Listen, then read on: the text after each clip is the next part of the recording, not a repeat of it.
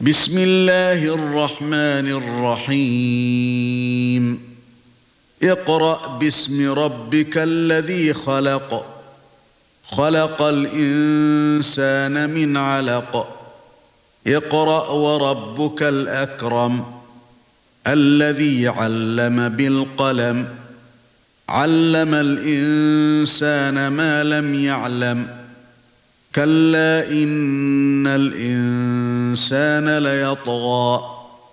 إن رآه استغنى. إن إلى ربك الرجعى. أرأيت الذي ينهى عبدا إذا صلى. أرأيت إن كان على الهدى أو أمر بالتقوى. أرأيت إن كذب وتولى. ألم يعلم بأن الله يرى؟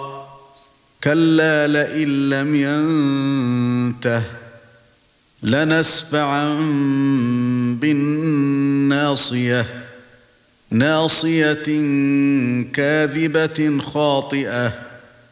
فليدع ناديه سندع الزبانية. كلا لا تطعه واسجد واقترب.